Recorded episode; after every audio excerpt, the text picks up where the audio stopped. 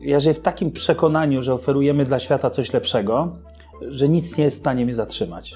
Żaden stary system, bo ja wierzę, że w biznesie najważniejsze są dobre intencje. Jeżeli ja mam dobre intencje, no to mogę nawet pójść siedzieć na rok, wyjdę. Trzeba mieć głowę w murach, trzeba mieć wyobraźnię i trzeba mocno stąpać po ziemi jednocześnie. Połączenie tych dwóch skrajnych y, rzeczy, jakim jest marzycielstwo i mocne stąpanie po ziemi.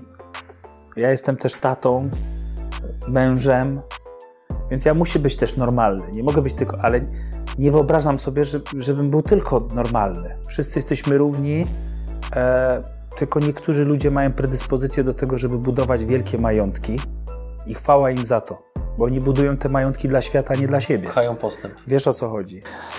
Dlatego warto poznać obie, tylko to nie jest dobre na wywiady na YouTubie, bo w końcu nie wiadomo o co mu chodzi i nic konkretnego nie powiedział. A tak naprawdę to wszystko jest po prostu skomplikowane. Tak, dobra, wejdźmy z YouTube'a, wyłączmy, wyłączmy TikToka, tam będzie coś prostego. No właśnie, tam będzie coś prostego, że wszystko siedzi w twojej głowie. Jeżeli chcesz być na bieżąco z naszymi materiałami, zasubskrybuj kanał i kliknij dzwoneczek. Partnerem odcinka jest rocketjobs.pl, portal pracy przyszłości, gdzie znajdziesz nowych członków Twojego zespołu. Mercaton ASI, inwestycje z pozytywnym wpływem. SoFinanse, eksperci w dziedzinie finansów. IBCCS Tax, spółki zagraniczne, ochrona majątku, podatki międzynarodowe. Linki do partnerów znajdziecie w opisie filmu.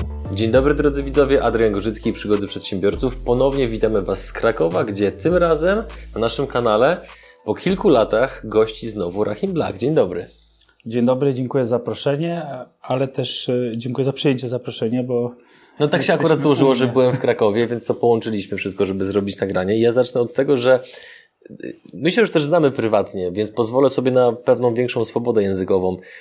Dla mnie Twoja historia jest fenomenalna. Fen- Fenomenalna z tego powodu, że na pewno pamiętasz taki okres w swoim życiu, gdzie przez to, że jesteś osobą, która ma bardzo bogatą osobowość, y, wysławiasz się w sposób taki, który jest dla przeciętnego Polaka po prostu inny, wyjątkowy. Ukułeś takie powiedzenie e, social media ninja, pamiętasz na pewno. I teraz zobacz, dla mnie to jest fenomenem, że przeszedłeś niesamowitą drogę od momentu, kiedy to wyrażenie stało się, e, nie boję się tego słowa, wręcz pewnego rodzaju marketingowym memem w pewnych środowiskach, a teraz masz, jesteś udziałowcem w 19 firmach, zatrudniasz 400 pracowników, twój majątek jest no, już liczony po prostu w milionach, więc jak ty się z tym czujesz, z tą drogą, gdzie jakby od tego, że doświadczałeś pewnych żartów ze strony niektórych przedstawicieli marketingowej sceny, stałeś się kimś, kto no, prawdopodobnie majątkiem przebija ich kilkudziesięciokrotnie. Ja wiem, że tak tego nie liczysz, ale no, musiałem o to zapytać. wydaje mi się, że ciągle jestem na początku czegoś. E, Ale kiedy próbujemy coś zrobić, no to trzeba y, szukać tych najniżej wiszących jabłek. E, I, i 10 lat temu, jak zaczynałem, no to, no to musiałem zaczynać od czegoś, od czego mogłem wtedy zacząć, bo byłem młodszy, e, Miałeś mniejsze zasoby? mniejsze zasoby, mniejszy próg wejścia, Facebook. To, co się teraz dzieje w analogicznym Facebooku 2.22 w TikToku, no jestem chyba na to za stary, a jeszcze za młody na emeryturę. Więc y, buduję farmy słoneczne, żeby teraz y, uczestniczyć w innej transformacji, nie cyfrowej, tylko energetycznej. Y, Ale cała ta różnorodność, y, czyli social media, SaaS, startupy, sztuka, rodzina. Cała ta różnorodność to jest właśnie esencja bycia generalistą, czyli takim dyrektorem generalnym, który musi e, znać się na wszystkim po trochu. I, I ta różnorodność e, bardzo mi pomaga w zarządzaniu e, przedsiębiorstwem, gdzie zogniskowanych jest tysiące najróżniejszych dziedzin. Kiedyś mój wspólnik, Michał, prezes Edrona, powiedział, że po 10 latach już zrozumiał, co jest najważniejsze. Najważniejsze jest wszystko. W przedsiębiorczości, w biznesie, wszystko Jak to w rozumiesz? jakimś sensie jest ważne. To znaczy, że trudno wskazać tą jedną rzecz. To znaczy, trudno powiedzieć, czy najważniejszy jest marketing. Jest ważny. Czy najważniejsi są ludzie? No, no ab- absolutnie tak. Czy pieniądze są ważne? Tak. Czy biura są ważne? Tak. Czy artyzm jest ważny? Tak. I widzę, jakie to wszystko jest bardzo złożone i ta złożoność pozwala mi to teraz ogarniać ta cała historia, to doświadczenie. Mhm. No właśnie, a jak, jak godzisz kwestię złożoności z tym, że wiele osób mówi, że w biznesie ważna jest prostota? Co jest prostego w prowadzeniu 19 firm? Bo wydaje mi się, że chyba niewiele. Albo być może bardzo dużo. W zasadzie ka każde stwierdzenie można obronić i obalić. Prawda? Czytamy książki o, o tym, że decyduje szczęście, potem czytamy inną książkę, że decyduje pracowitość, czytamy książkę, że jest przypadkowość, czytamy książkę, że trzeba postawić na jedną rzecz, trzeba być esencjalistą. Mhm. Czytamy książki, że jednak e, e, biznes jest czymś bardzo złożonym, skomplikowanym i choćbyś się wyspecjalizował w jednej dziedzinie, no to zapuka do ciebie dziewczyna i ci powie, że idzie na urlop macierzyński i musi się wykazać inteligencją emocjonalną, moralnością i nie możesz być geekiem. Przecież mhm. Pracujemy dzisiaj z programistami z jakiegoś powodu oni nie tworzą genialnych rozwiązań sami, potrzebują jednak tego generalistę, który zajmie się jeszcze sprzedażą, marketingiem, organizacją, mhm. bo jednak budowa przedsiębiorstwa to jest budowa organizacji, więc. Które z Twoich. Rzeczywiście to, co powiedziałeś, e, e, że liczy się prostota, ta granica między prostotą a złożonością, między e, fokusem a, a takim multitaskingiem, jest obszarem moich wieloletnich badań. Mhm. I w, w zasadzie, gdybym miał postawić takie jedno najbardziej kluczowe pytanie, a ty dajesz to pytanie, a ja ci nie dam odpowiedzi, bo jestem ciągle w trakcie badania tego. Mhm. Bo jak mi się teraz zapytasz, dokąd to wszystko prowadzi, to ja ci szczerze odpowiem, że do końca nie wiem. Mhm. Szczerze ci odpowiem.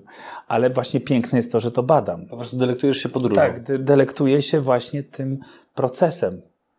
Mhm. Tym niezbadanym. Właściwie to, co mnie najbardziej kręci w, w przedsiębiorczości, to, co sprawia mi największą frajdę, to jest właśnie z jednej strony ta złożoność, ta różnorodność. I nawet niektóre konkretne moje projekty, jak na przykład Mozaiko, no to złożoność polega w samym Mozaiko na tym, że y, tokenizujemy tam różne przedsięwzięcia. A potem się okazuje, że się angażuje w te przedsięwzięcia udziałowo i tak dalej, więc mhm. jeszcze dochodzi tych, tych przedsięwzięć, przedsiębiorstw. Mhm. Ale, ale, ale delektuje się tą złożonością i jednocześnie badanie i dochodzenie do pewnych rozwiązań sprawia mi największą frajdę. Dzięki, że jesteś z nami i oglądasz nasze filmy. Chcielibyśmy przekazać Ci krótką informację. Przygody przedsiębiorców to nie tylko wywiady.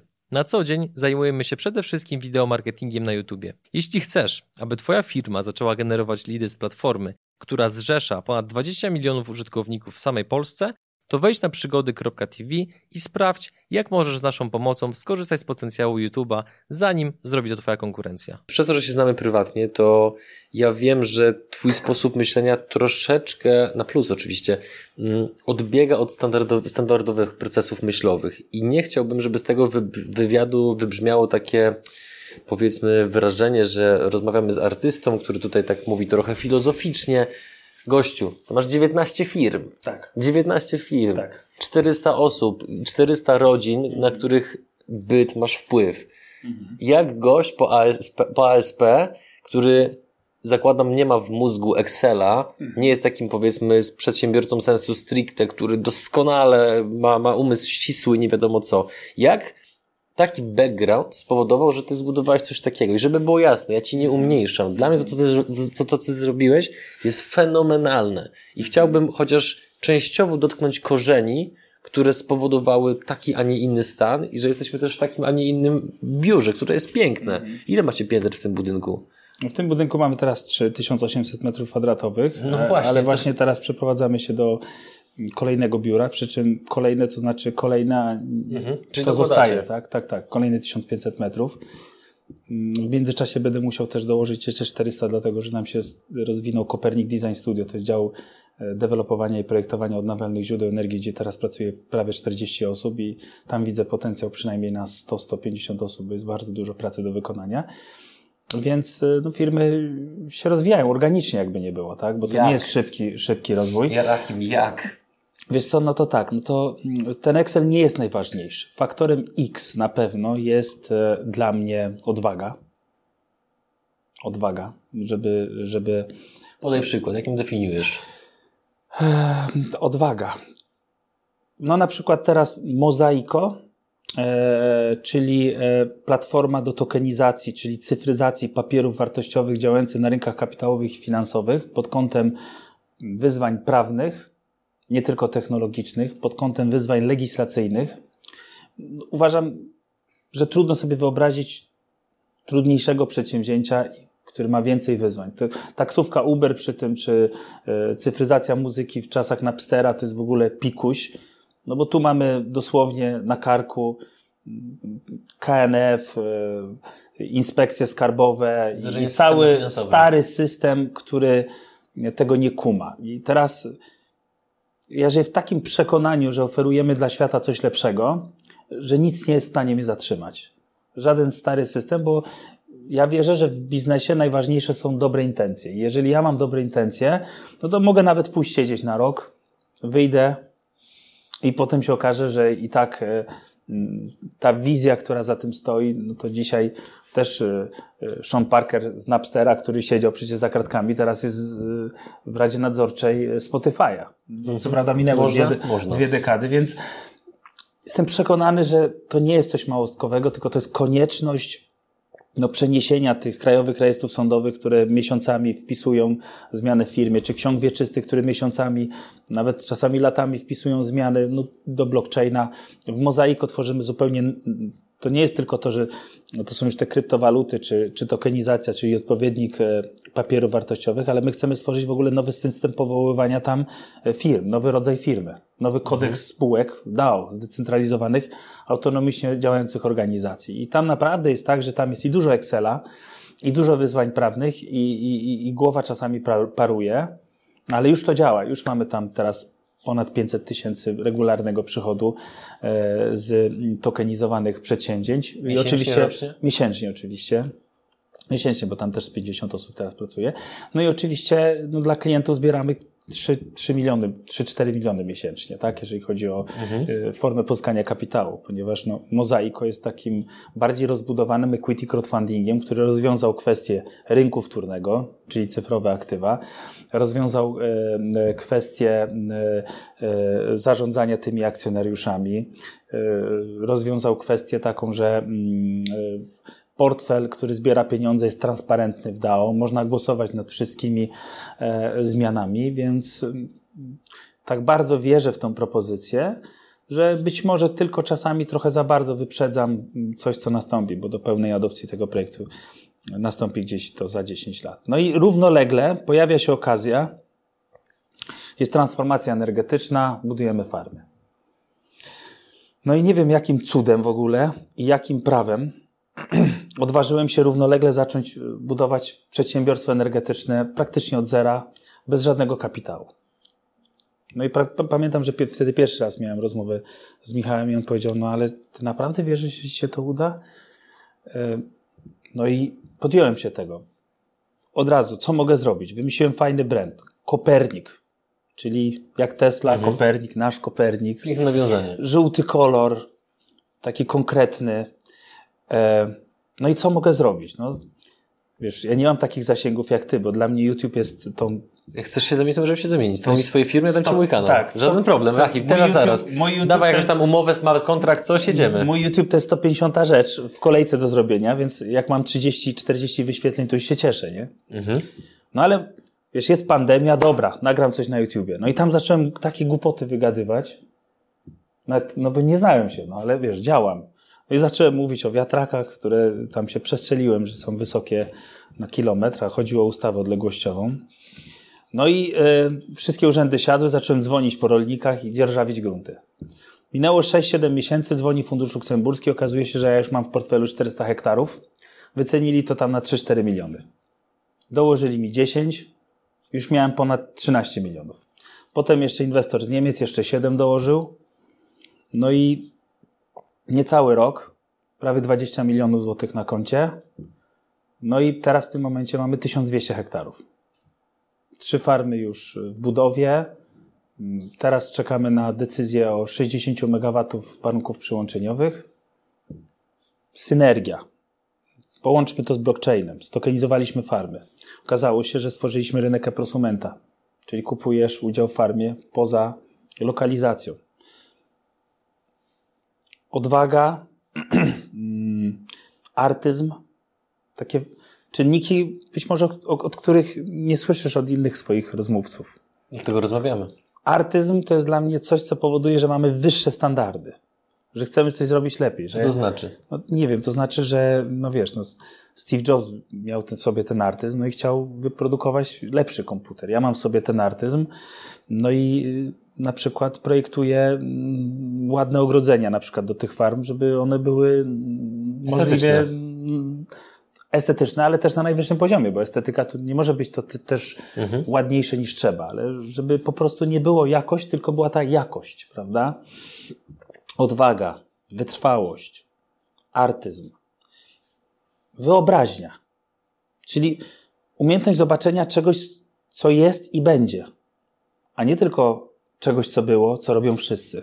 I reagowania na to. I teraz, no powiedz mi, czy te cechy nie są bliższe kreatorom niż takim analitykom, którzy mhm. E, tylko liczą. A po co liczyć, jak nie ma co? Trzeba najpierw tworzyć, prawda? No więc. E, aha, i do tego wszystkiego oczywiście no, musi być ten pragmatyzm też, tak? Mamy głowę w chmurach, ale dobrze też jest równolegle mocno stąpać po ziemi. E, też taka zgoda na to, żeby na przykład zrobić coś źle, no bo robię z tym, co mam tu i teraz. Zgoda to, żeby zrobić coś źle. No tak, no bo mhm. z jednej strony mówię o wysokich standardach, ale wysokie standardy są celem, a, ale środki prowadzące do tego celu są tu i teraz. Nie możemy żyć tylko marzeniami o lepszej przyszłości, bo musimy działać tu i teraz. I jeszcze wrócę teraz do tego, co powiedziałeś, że tam ktoś się śmiał i tak dalej. Czy to ma jakiekolwiek znaczenie w ujęciu globalnym? Żadnego. Czy to ma jakiekolwiek w ogóle. Kiedy masz wielką wizję, a ja mam wizję po prostu stworzenia przynajmniej trzech dużych korporacji zatrudniających kilkanaście, być może nawet kilkadziesiąt tysięcy pracowników. Dlatego ja żyję permanentnie kompleksami, że jestem nie w fajnym miejscu, tylko ja się czuję, jakbym był naprawdę na początku gdzieś czegoś większego, tak? Te kompleksy są kotwicą czy napędem? E, te kompleksy są napędem, no bo gdybym się urodził bogaty, no to bym nie walczył o budowanie e, majątku. Gdybym miał wielką firmę, to bym nie robił wielkiej firmy. Pewnie bym dążył do, nie wiem, e, pewnie wtedy bym dokonał, nie, pewnie wtedy poszedł już mocno w filantropię, prawda, bo, mhm. bo okay. odbiłbym się, prawda, w drugą stronę.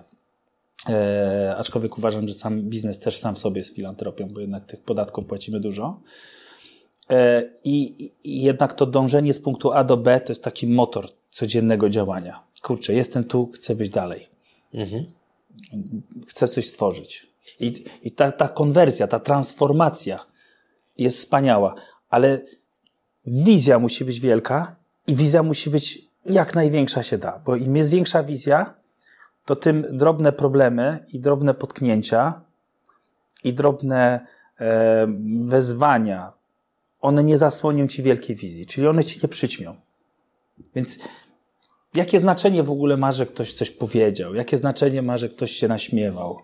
Z wielu wiesz, ludzi się ludzie naśmiewają, a potem ci osiągają wielkie sukcesy. Bo... Tak, tak, tylko ja ten temat, wiesz co, poruszyłem nie bez powodu, bo to jest taki element, którego ja też nie rozumiem za bardzo. Pewnie jest to jakoś uwarunkowany psychologicznie, więc jeżeli ktoś ma pojęcie, z czego to wynika, to chętnie poznam tą opinię ja nie rozumiem ludzi, którzy się śmieją. Z tego mhm. powodu, że biznes to jest wystawianie się na krytykę, mhm. na ośmieszenie. Ja sam pamiętam, jak zaczynaliśmy, oczywiście to jest zupełnie inna skala, ale chodzi o pewną mechanikę. Jak zaczynaliśmy z kanałem, to również ten kanał był przez niektóre osoby deprecjonowany bardzo mocno. Mhm. I ich opinie były pewnego rodzaju moim napędem na zasadzie, okej, okay, no to zobaczymy, kto się będzie śmiał ostatni. Tak, akurat tak było w moim przypadku. No, to jest znowu standardowa część każdego Ale ja bardziej rozumiem tych, co się śmieją, niż tych, którzy się tym kompletnie niepotrzebnie przejmują. Mhm. Bo no to rozwij to, no bo widzisz, no bo, to, bo to, to, jest, to jest problem większości osób, które się przejmują opinią No tak, ale czy, czy masz w historii firmę, która łatwo osiągnęła wielkość? Czy masz w historii człowieka, który łatwo osiągnął wielkość? No właśnie nie. Czy dało się dojść do gwiazd bez trudów? Mhm. Czy to powinno być kompletnie naturalne? No, Oczywiście... Co byś, co byś powiedział osobom, które sobie biorą za bardzo do serca opinii innych ludzi, które tak naprawdę nie mają znaczenia? No to, no to jednak ta odporność psychiczna musi być bardzo duża. Ale ja bym właśnie ja mam taką zasadę, że no nasz cel no, musi być większy. no, ta wizja z Mhm. tyłu musi być większa, żeby te problemy, te przeciwności losu no, nie zasłoniły tego, do czego dążymy. Jeżeli ja na przykład dostaję, nie, mm, znaczy żadne pismo nie jest dla mnie nieprzyjemne. Z, z, z jakiegoś nadzoru, czy z jakiegoś domu maklerskiego, czy, czy od jakiegoś y, y, inwestora, Część no gry. bo y, część gry, ale, ale przecież, no przecież y, mam w głowie wtedy Bill Gates, jak wychodzi z rozprawy sądowej, dostaje trzy razy tortem. Mam w głowie Elona Muska, mam w głowie Steve'a Jobsa, że to jest naturalna droga i to jest cena, aczkolwiek nawet dzisiaj bym nie nazwał tego ceną, bo ja w ogóle nie czuję, że to jest cena, bo ja ten cały świat y, pism y, postrzegam jako pewnego rodzaju właśnie, nie chcę nazwać tego też grą, ale mm, to, są, Świat, w zda- którym operujesz. to są zdarzenia wirtualne. Mhm. One nie są rzeczywiste. Wiesz. Rzeczywiste zdarzenie to jest tu, prawda? Rzeczywiste zdarzenie to jest takie zdjęcie, które mam tutaj w biurze i to jest pokój, w którym się wychowałem w Kosowie i tu spadła bomba podczas nalotów amerykańskich, e, kiedy Serbowie opuszczali Kosowo. I za każdym razem, jak dostaję takie pismo, to mam takie zdjęcie, to mi się kurczę. W sumie ludzie ginęli w nalotach, nie? Mogłem zginąć. Więc dopóki, wiesz, nie ma takich sytuacji, nie ma trudu. Aczkolwiek muszę ci powiedzieć, że się spotkałem ze ścianą i to wczoraj. Ukraina. 20 osób pracuje w Ukrainie, widzę, że są smutni, no i widzę, że nie mają paszportu polskiego i za 6 miesięcy jadą do Ukrainy i y, nie wiedzą na przykład, czy, czy nie zostaną wezwani. Mhm. Mówisz o twoich pracownikach. Tak, to jest realne zagrożenie. Mhm. Ale wiesz, takie wymienianie się pismami, albo wymienianie się cyferkami, albo mówienie, czy jestem na plus 2 miliony, czy minus 2 miliony, to co to za różnica? Więc wracając teraz do tego Twojego pytania. Co bym polecał tym ludziom, którzy się przejmują? To przede wszystkim bym im życzył większych problemów, żeby te mniejsze y, stały się mniejsze. Naprawdę. Elon Musk powiedział, że y, bardzo się martwi o swoje dzieci, że za mało cierpią. No bo jednak to cierpienie nas Kształtuje. hartuje. Hartuje, to pisał tak. Taleb w Antykruchości. No jesteśmy mniej, mniej krusi, jeżeli, y, jeżeli przechodzimy przez Mhm. pewien repertuar zdarzeń, które nas jednak finalnie wzmacniają, czy, ją, czy ją sprawiają, że wchodzimy w, w tą antykruchość, prawda? Więc y, musimy. Z, jak, jednym z powodów, dla których prowadzę wiele, wiele firm, jest dywersyfikacja też tego, że czasami niektórych problemów nawet nie zauważam. Rozwinij się proszę. No to znaczy, wiesz, no jak masz jedną firmę i tam cię spotka problem, to jest całe twoje życie. Ale jak masz wiele firm, no to, no to jeżeli na 20 w jednej stanie się coś złego, no to, no to też, y, no to idziesz po szczęście do 19, tam oś- 10 pozostałych, prawda? Więc y, to jest ten, to jest to, że pamiętam jak miałem jedną firmę, no to wszystko było widoczne. A w pewnym momencie, jak już moi wspólnicy przestali mi zwracać uwagę na niektóre niepowodzenia, no bo zawsze można przyćmić innymi. Po prostu skala problemów spycha na bok te małe problemy. Skala firmy spycha na bok Mhm. te małe y, straty. Musiałeś jakąś firmę zamknąć po drodze? Było jakieś bankructwo? Wiesz co, paradoksalnie powiem Ci, że, y, że nie, nigdy. Jak? Nigdy. Praktycznie nawet miałem, pierwsza firma to była kulturalna koperta Poka Poka. I to ją też sprzedałem, tak? Firmę. Potem miałem agencję social media. Ta agencja działa do dzisiaj, sprzedaję ją do grupy reklamowej. E, Potem oczywiście Edron, gdzie teraz prezesem Edrona jest Michał, który, który no jest prezesem, więc praktycznie jest całkowicie poświęcony i sfokusowany tej firmie, bo ta firma ma potencjał do dużej korporacji. Ona teraz ma prawie 300 pracowników i 500 chyba partnerów na całym Po świecie. jakim czasie? Od, od... Po sześć, sześciu albo siedmiu latach. jak- Mhm. Mhm. E, Ale ta, ta firma miała rundę PA, dopiero teraz będzie A, więc ona, ona, ona ma wszystko jeszcze przed sobą. I, i, I ona też rozwija Natural Language Understanding, czyli AWE, do tego, żeby system CRM sp- wspierał komunikację voice'ową z klientami. Mm, Projekty blockchainowe, one są bardzo innowacyjne, wszystkie, no z wyjątkiem Sapiensy, wszystkie są rentowne. Bo Sapiensy akurat jest takim no, najbardziej odjechanym projektem tokenizacji marek osobistych.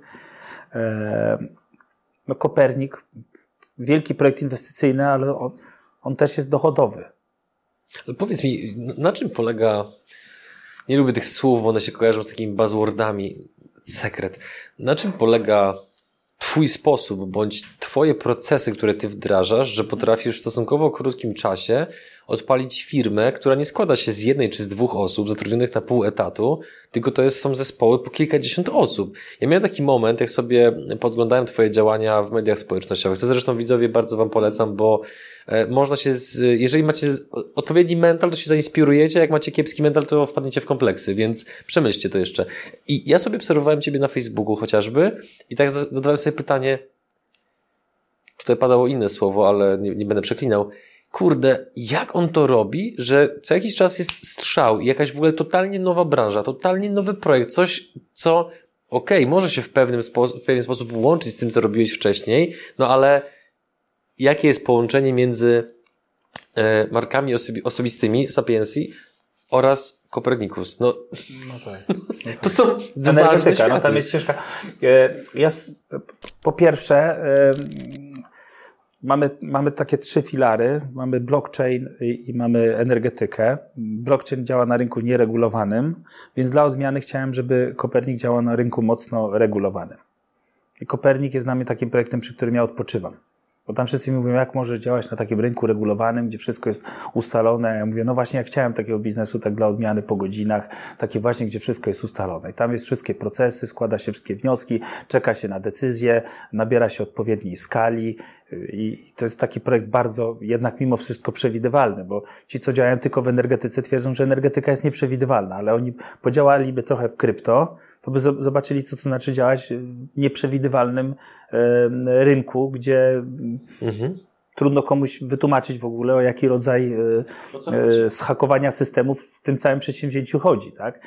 Więc to jest też taka dywersyfikacja i urozmaicenie, urozmaicenie e, tych działań. A to jest przypadek, czy nie, że wszystkie Twoje firmy są de facto w sektorach o bardzo silnej tendencji wzrostowej? E, to nie jest przypadek. Na przykład agencję sprzedałem, bo tam doszedłem do sufitu. Jak mieliśmy chyba 80 osób na pokładzie i miałem e, już 650 tysięcy netto przychodu, no to wiesz, miesięcznie. są branże, mhm. których, tak, miesięcznie, zawsze mówię miesięcznie i zawsze mówię e, netto, są branże, w których w których większa ilość, czyli skalowalność, zmniejsza jakość. A są branże, w których większa ilość zwiększa jakość. Czyli przykładowo w Mozaiko im więcej projektów, im więcej inwestorów, tym jeden plus jeden zaczyna dawać trzy. W agencji kolejny klient to jest rodzaj takiej, no, nazywaliśmy to potocznie prostytucją, gdzie poprzedni klienci są coraz mniej zadowoleni, że ty no, nie jesteś do pełnych usług, prawda? Więc y, ja szukam tych biznesów jednak skalowalnych. W farmach słonecznych im więcej farm, tym mniejszy koszt jednostkowy budowy, bo to jest projekt bardzo infrastrukturalny, więc tutaj jest zasada skali, która zmniejsza koszty i albo zwiększa marżę, albo na przykład pozwala ci przejmować konkurencję. Więc y, raczej w tej całej układance staram się wybierać e, tylko i wyłącznie te biznesy, które dadzą mi w perspektywie, zawsze mówię o 10, 10 lub 20 latach, perspektywa tworzenia wielkich, wielkich przedsiębiorstw. I oczywiście robię to bardzo powoli, ponieważ, e, ponieważ mm, ja się rozwijam organicznie. Ja nie rozwijam się na przykład rundami finansowania, nie rozwijam się inwestorami. Ja rozwijam się bardzo organicznie. W przypadku Edrona, bo mówiłeś, że tam była jakaś... W przypadku Edrona uważam, że to jest najlepszy przykład polskiego sasowego bootstrappingu, gdzie przez pierwsze 6 lat do rundy pre-A, mhm. w której łącznie zgarnęliśmy 20 milionów złotych, projekt był, e, inwestorem projektów byli klienci. Od pierwszego klienta do tysięcznego klienta w SASie. To są rzadkie przypadki. Oczywiście ja myślałem, że ten bootstrapping i ten organiczny rozwój, jestem wielkim fanem organicznego rozwoju bootstrappingu. E, myślałem, że to zostanie gdzieś tam lepiej nagrodzone przez, i uznane przez rynek. Okazało się, że tylko te firmy, które mają duże mm, rundy finansowania, z kolei się przebijają bardziej PR-owo przez to, że mają rundy finansowania, bo zazwyczaj jest lista 10 startupów i wszyscy aniołowie biznesu podają oczywiście te, które zainwestowali. Natomiast no, Edron poszedł teraz tą stronę venture capital i to jest bardzo fajne, ponieważ uważam, że wycena przez venture kapitalistów to jest najbardziej surowa wycena, więc jeżeli tam mówimy o kilkuset milionach złotych w tym momencie, to to już jest naprawdę realna wycena. To bardziej nie jest 200 giełdowa. czy bardziej 900? Nie mogę teraz powiedzieć, ponieważ mhm. za miesiąc y, albo dwa będziemy mieli y, rundę A po pre-A dopiero gdzie już jest tak mhm. dużo osób, więc przeważnie takie rundy robi się na początku, bo przedsiębiorca od razu musi dostać pieniądze, żeby w ogóle ruszyć. Mhm. Natomiast ja jestem pytanie... wielkim fanem organicznego rozwoju i robienia czegoś z niczego i to jest ta zdolność też. No i teraz ja lubię wró- czekaj, czekaj, czekaj, czekaj. Wróćmy do pytania, bo, bo, bo nadal ja jeszcze nie otrzymałem satysfakcjonującej mnie odpowiedzi. Jaki jest Twój wzór, Aha. system na to, żeby szybko i sprawnie odpalać firmy, które przy okazji, co ważne, nie bankrutują mhm. po drodze. Nie zgodzę się z tym, że szybko, ponieważ no, Kopernik działa od roku, ale w Koperniku wiem, co zrobię w 2030, 2040 i 2050, bo też wybrałem Kopernika dlatego, że w 2030 musimy mieć 30% zielonej energii, a w 2050 dopiero będzie zero emisyjność, więc to jest projekt w drodze do zero emisyjności emisji dwutlenku węgla, więc y, wybieram takie projekty, w których będę miał co robić przez 30-40 lat, tak? Więc nie wiem, czy szybko. Natomiast szybko jest to, że. A to mam po roku 100%... ile macie pracowników? W tym momencie chyba 60, a nie liczę dokładnie. Wolno, faktycznie. Ale, ale na przykład w holdingu Kopernik mam 100% udziału w tym momencie. To mhm. jest też ciekawe, ponieważ y, wszystkie fundusze, inwestorzy celują w te projekty celowe. Bo Kopernik to jest projekt infrastrukturalny, gdzie inwestorzy wchodzą w te projekty celowe, gdzie są konkretne biznesplany i wszystkie w zasadzie działania są przewidywalne. Natomiast sam holding, który w tym momencie ma pięć spółek córek i około mm, kilkunastu spółek celowych przedsięwzięć infrastrukturalnych i, i w Koperniku mamy Kopernik Go, gdzie zaprosiłem prezesa, tym razem e, Gracjana, do stworzenia sieci stacji e, ładowania pojazdów elektrycznych, 10 tysięcy stacji do 2030 roku. Mamy Kopernik PPA, czyli kontraktowanie dostaw energii do firm. Mamy Kopernik Design Studio Development. I teraz, i teraz e, ja mam taki, dla mnie bardzo ważny jest instynkt przetrwania. Dla mnie w ogóle instynkt przetrwania tu i teraz jest bardzo ważny, bo bo ja uważam, że to jest bardzo zdrowe, kiedy ktoś nie dostaje pieniędzy, kiedy ktoś e, nie zaczyna od finansowania, nie idzie po, po dotacje unijne i od razu musi wygenerować przychód. I zarówno w Mozaiku, jak i w Koperniku od razu patrzę, gdzie jest ten przychód. No i na przykład w Mozaiko zobaczyłem przychód w lepszym equity crowdfundingu, czyli z jednej strony robię projekt, który dopiero wypali za 10 lat i wejdzie do szerokiej adopcji, czyli DAO, ale z drugiej strony, no, mamy lepszą wersję equity crowdfundingu już dzisiaj i już dzisiaj mogę te kilkaset tysięcy na koszty zrobić.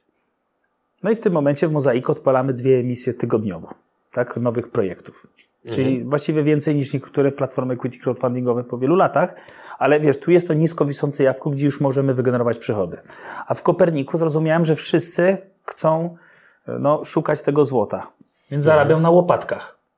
Czyli zarabiam na developmencie. Nie na uzyskanych pozwoleniach, tylko developmencie. I wykonuję ten development, czyli wszystkie procesy składania wszystkich pozwoleń. 2000 za WZ, 2000 za DSK, 5000 za warunki. Tylko, że mamy teraz jakieś 600-700 projektów na tapecie i nie tylko dla spółek powiązanych, nie tylko dla inwestorów, ale także teraz klientów zewnętrznych. No i ostatnio przychodzi do mnie mój dyrektor finansowy mówi, ty, ten Copernic Design Studio jest 90 tysięcy na plusie. Czyli podzieliłem sobie tą część, gdzie produkujemy łopatki i tą drugą część, gdzie wykopiemy te przy... złoto, czyli to jest to y, pozwolenie na budowę, gdzie mhm. wtedy projekt jest w ogóle wart, kosztuje 40 tysięcy, a jest wart 150 tysięcy euro. Ale jak do tego dojdziemy, czyli dojdziemy do tych pozwoleń w 2023 i 2024 roku, to te wszystkie pozwolenia, które otrzymamy, one będą już warte jakieś, szacuję nawet 70-80 milionów złotych. I mówię tu nie o wartości przedsiębiorstwa, tylko o wartości konkretnie tych pozwoleń. Czyli... Mimo, że opowiadasz ekstremalnie ciekawie, to wiesz, że nadal nie odpowiedziałeś mi na moje pytanie, nie? No właśnie, ja bardzo skomplikowanie w ogóle odpowiadam na pytania. Bardzo barwnie, nie, ale, ale jakby ja ci nie, nie odpuszczę. Nie YouTube'owy, je, y, nie YouTube'owy język, gdzie powinienem powiedzieć jedno słowo. ale to dlatego, że ja jestem jednym wielkim myślącym procesem.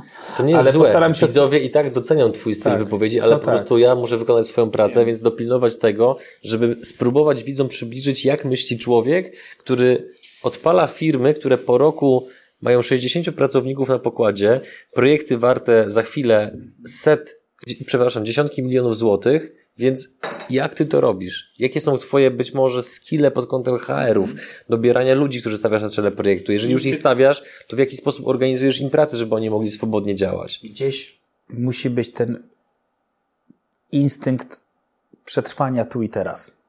To jest równowaga pomiędzy wielką wizją a teraźniejszością.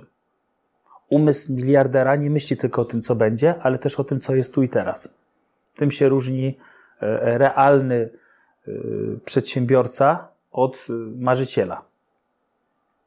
Czyli ten instynkt przetrwania, no mam na payrollu ileś set osób, muszę to spiąć. Tata mi nie da, mama mi nie da, Mhm. wujek mi nie da, Mhm. inwestor mi nie da, bo nie mam czasu chodzić po inwestorach.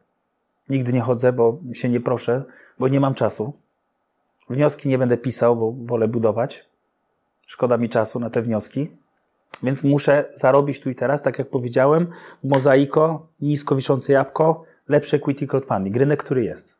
Czyli jednej, z jednej strony buduje coś, co będzie, czyli ma perspektywę rozwoju, ale z drugiej strony patrzę na to, co jest tu i teraz. Czyli patrzę na rynek, który tu jest teraz.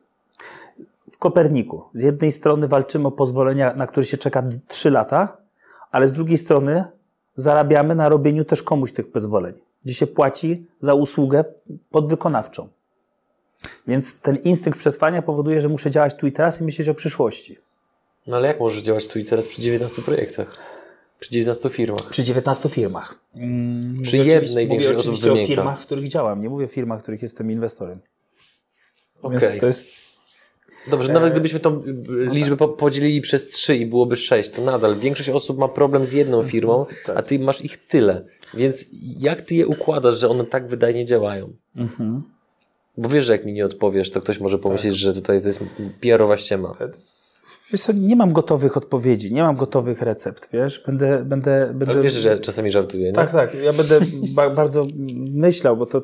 Bo, bo, Proszę. bo pamiętaj, że, że, że to jest wszystko dosyć skomplikowane i ja nie mam jednoznacznych Mhm. odpowiedzi. Ja też to wszystko badam, tak? Ja, ja, ja, zobaczymy, w jaką stronę to wszystko pójdzie. Ale odpowiadając na Twoje pytanie, mm, widzę bardzo.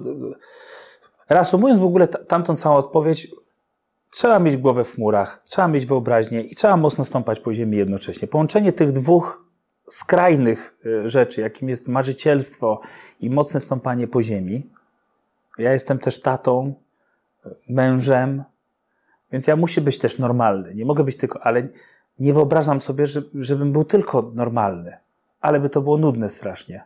Więc muszę, chcę być też wizjonerem, artystą, marzycielem. I połączenie tych dwóch rzeczy jest czymś fenomenalnie ważnym. Znam niestety bardzo dużo osób, które są marzycielami, które mają piękne wizje, ale są niekonkretni.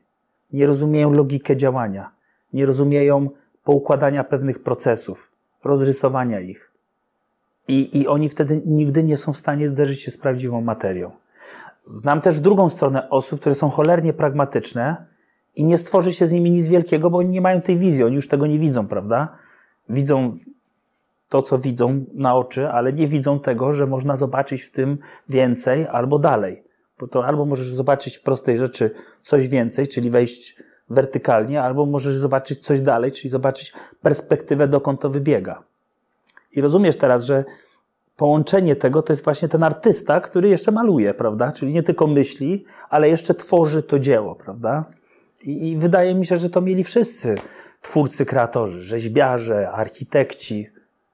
Natomiast ta druga twoje, twoje, twoje pytanie dotyczące, jak to jest możliwe, że tego jest tak dużo, tak? Mając już nawet kilkaset osób, chociaż uważam, to jest malutki startup jeszcze, nie? Ale mając już kilkaset osób, kilka firm, ki- kilka biur, przestajesz już w ogóle działać w kategoriach, czy mam na coś czas.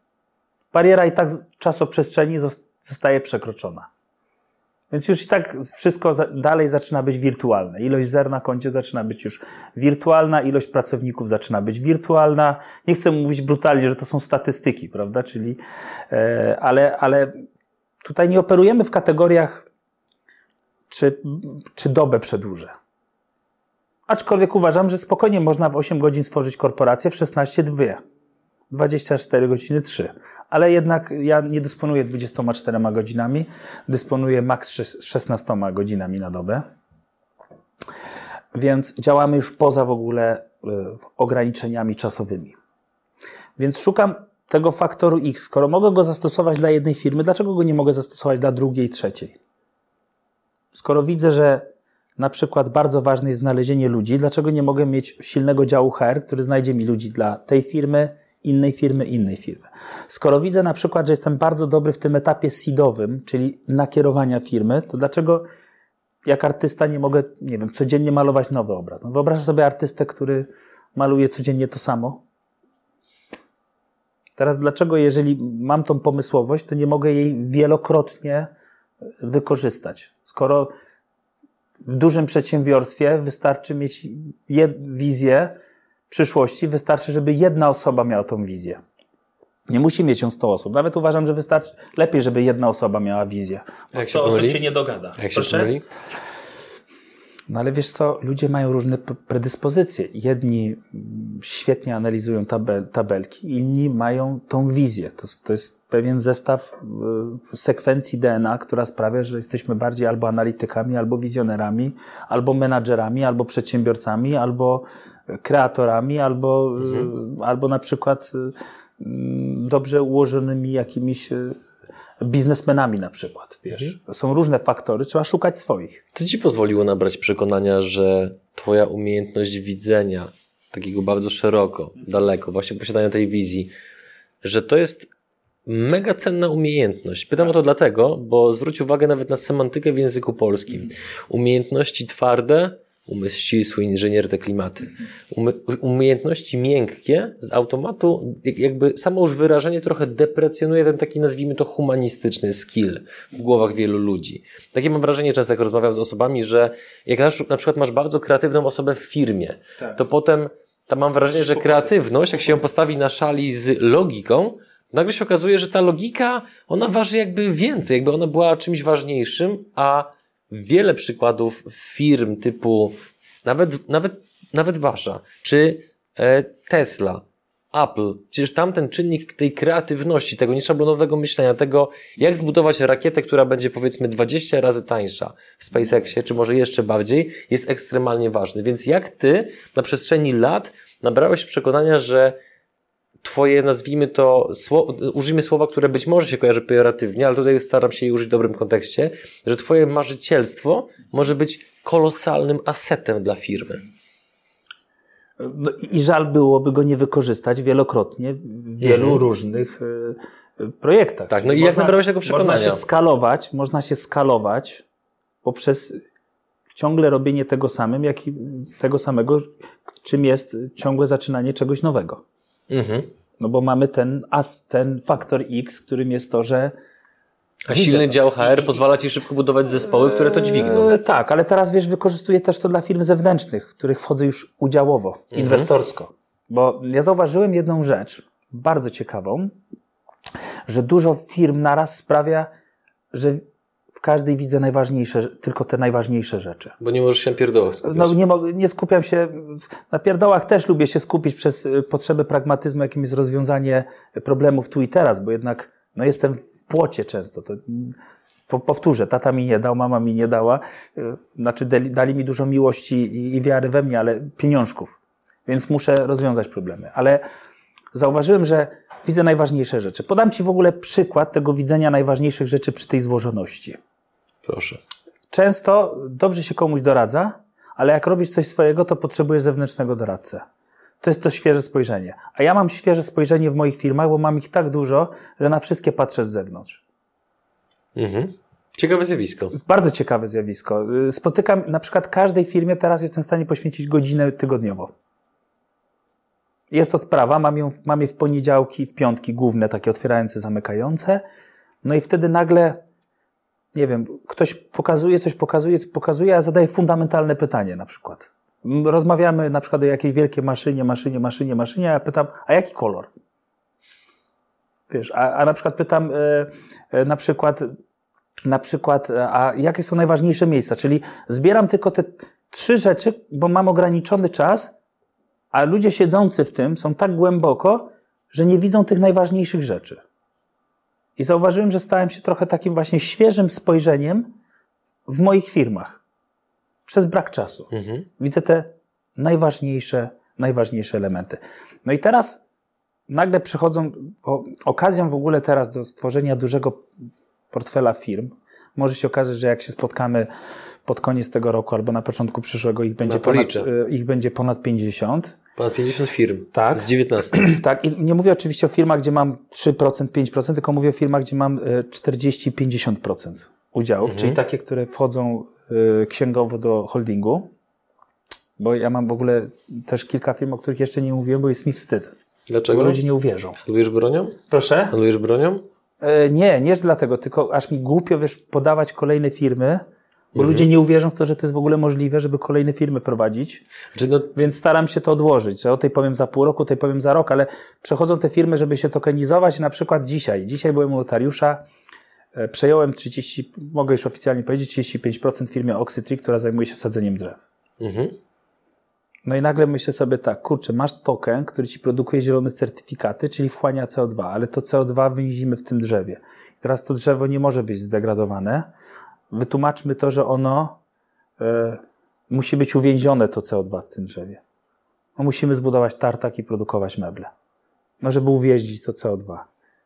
I wiesz, i powstaje z tego biznes Nie skalowalny. wystarczy sprzedaż drewna? Komuś? Proszę? Nie wystarczy sprzedaż drewna komuś? Tak, ale półprodukt, y, pół, tartak daje półprodukty, ale na tym półprodukcie jeszcze od kubika jest jeszcze bardzo fajna marża. Mhm. I ten tartak, no to jest też coś fajnego, no. Mhm. Wiesz o co chodzi? No żal by było tego nie zrobić. Mhm. No i masz pola, gdzie masz drzewa, masz tartak i nagle powstaje jakiś taki całościowy obraz. I to jest takie jedno spojrzenie, wiesz? Jedno spojrzenie na skalowalność tego biznesu, tak? Dlaczego firmy... I to jest to świeże spojrzenie. Nie da się być w tym biznesie, widzieć wszystkie jego problemy i nie widzieć tego pięknego obrazka, gdzie ja widzę teraz te pola zasiane milionami drzew. Jeszcze myślę o na przykład lasy państwowe SA, lasy tlenowe. Już, już widzę jakąś taką skalę, wiesz, porównanie do państwowej firmy. Jakoś tak, nawet nie wiem, czy nie będę przekonywał prezesa Oxytree Łukasza do tego, żeby nazwać to lasy tlenowe SA wiesz, żeby wie? zrobić analogię do lasów państwowych, wiesz. I to są takie, takie świeże spojrzenia. A Właściciele tych firm, którzy y, jakby nie patrzeć, wpuszczają Cię jako udziałowca, który ma tak istotny pakiet udziałów, to oni traktują to, że Ty jesteś udziałowcem w tylu firmach jako plus, bo na przykład czerpiesz bardzo różne, różnorodne doświadczenia i masz bardzo różnorodne zasoby, czy może mają obawę, że po co nam udziałowiec, który poświęci nam tak minimalną ilość uwagi? No to też jest ciekawe pytanie. Rzeczywiście to jest ciekawe pytanie, że jednak ten czas mój osobisty nie jest z gumy. E, I też to analizowałem, bo doszedłem już do momentu godziny dla firmy. E, bo mówiąc o tych 400 pracownikach, ja nie mówię o pracownikach tych firm, gdzie mam te udziały, tak? Bo trak- mówię o pracownikach, gdzie operacyjnie Własnych. jestem. Tak, tak, tak. Gdzie jest, nie, nie własnych, bo tam, gdzie jest 50%, to też można nazwać własną. Od 30% w górę możesz powiedzieć, że to jest twoja firma, Jasne. bo teoretycznie 50% to już można już powiedzieć, że to jest całkowicie twoja firma, bo wynik się liczy do holdingu, tak? Natomiast y, mówiąc o pracownikach, mówimy o, o, o fi, fi, fi, tych y, zespołach, którymi też zarządzasz. Bo ja jestem też prezesem kilkunastu firm. To też zaczyna być bardzo mm, uciążliwe poniekąd. Ale rzeczywiście ten czas nie jest z gumy. No i teraz nie miałbym tupetu powiedzieć komuś, daj mi 40-50% firmy, dlatego że e, będę doradcą. Mhm. Nie, nie miałbym tego tupetu. Mam też w sobie dużo pokory. Natomiast e, no wyobraź sobie teraz, że e, mam taką, m, mam holding, który nazwałem roboczo Sapiensy Venture Builder, tak? czyli, czyli taki we- wehikuł, który buduje te przedsięwzięcia. I tam w tym momencie mam już siedmioosobowy dział administracji tylko od wspierania tych zewnętrznych firm etatowych. Trzech prawników, dwóch rekruterów, dwie kadrowe. Nie? Czyli już jest zespół w ogóle holdingowy, etatowy, nie?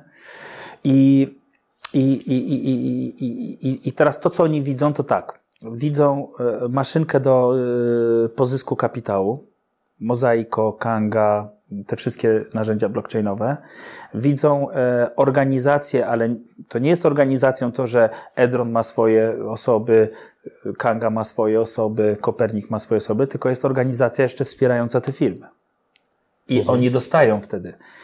I ja pamiętam, jak ja zaczynałem te firmy, Boże, jak ja bym dostał prawnika, jak ja bym dostał e, e, rekrutację, jak ja bym dostał e, jak ja bym dostał, nie wiem, programistę, to, to na tym wczesnym etapie, wiesz, niewiele zmienia wiele. I ja staram się im to dać, a dodatkowo jeszcze te moje działy w moich firmach też się zaczynają bardzo y, nie tylko horyzonta, horyzontalnie, ale też wertykalnie rozwijać, bo ten Kopernik, który jest podzielony na pięć spółek, Kopernik Design Studio, samym Kopernik Design Studio mam trzy działy. Dział gruntów, dział developmentu i dział wykonawczy projektów. I wyobraź sobie, że wszyscy w branży, a rozmawiałeś już z wieloma w branży y, odnawialnych źródeł energii, no to cały ten development to jest półśrodek do celu. A u mnie nie dość, że to nie jest półśrodek, to najlepszym działem, jaki ostatnio udało mi się stworzyć, jestem za to bardzo wdzięczny Danielowi Birnbachowi, to jest dział gruntów. Dział gruntów. To jest dział, który pozyskuje lokalizację. I teraz wyobraź sobie, że ten dział gruntów teraz pozyskuje lokalizację pod naszych klientów konopnych, lokalizację pod drzewa, lokalizację pod stację ładowania. No zrobi, robi się z tego potężna firma do pozyskiwania po prostu lokalizacji, lokalizacji mhm. pod wiele, wiele różnych przedsięwzięć, tak? Więc oni są też motorem do, i ostatnio w ogóle jak powiedziałem, że chcę zatrudnić 10 osób do pozysku lokalizacji, no to wszyscy łapali się za głowę. Teraz dział gruntów jest dochodowy. No bo on na początku, wiesz, tym firmom daje lokalizację, dam ci tutaj 20-30 lokalizacji za darmo, a teraz na przykład za każdą lokalizację dział gruntów bierze do 15 tysięcy złotych za miejsce. I dział gruntów teraz wystawia fakturę tym wszystkim podmiotom za pozyskiwanie lokalizacji, nie? Taki no bardzo, mhm. bardzo, wiesz, jeden z kilku działów Kopernik Design Studio, który jest jednym z pięciu działów Kopernika, który finalnie ma budować farmę. Słuchaj, kolejne pytanie. Jest przygoda, jest przygoda. I niejednokrotnie słyszałem takie zdanie, że nazwijmy to szumnie sukces w życiu często osiągamy mm, nie, nie, wbre, jakby nie z powodu naszych wad, ale właśnie jakby dzięki nim. Mhm. Jakie wady twoje mhm. spowodowały, że albo z twojej perspektywy mogły mieć wpływ na to, że jesteś w takim miejscu, a nie innym, że one ci nie przeszkadzały, tylko raczej ci pomogły, ale z perspektywy ludzi z boku mogą mówić, że Rahim jest taki, Rahim jest owaki. O mnie na przykład mówią, że jakby ludzie przed kamerą widzą mnie raczej w stanowanej wersji, natomiast poza kamerą raczej bardzo mocno towarzyszy mi ekstrawersja, bycie osobą czasami impulsywną, aczkolwiek biznesowo nie bardzo, ale prywatnie owszem, e, pewnego rodzaju wybuchowość. Jak to, jest, jak to jest u Ciebie? Jakie wady pomagają Ci w biznesie? Wiesz co, ja mam bardzo dużo wad, ale oczywiście y, postaram się teraz wyszukać w głowie te wady, które gdzieś tam można było przekuć w sukces, nie?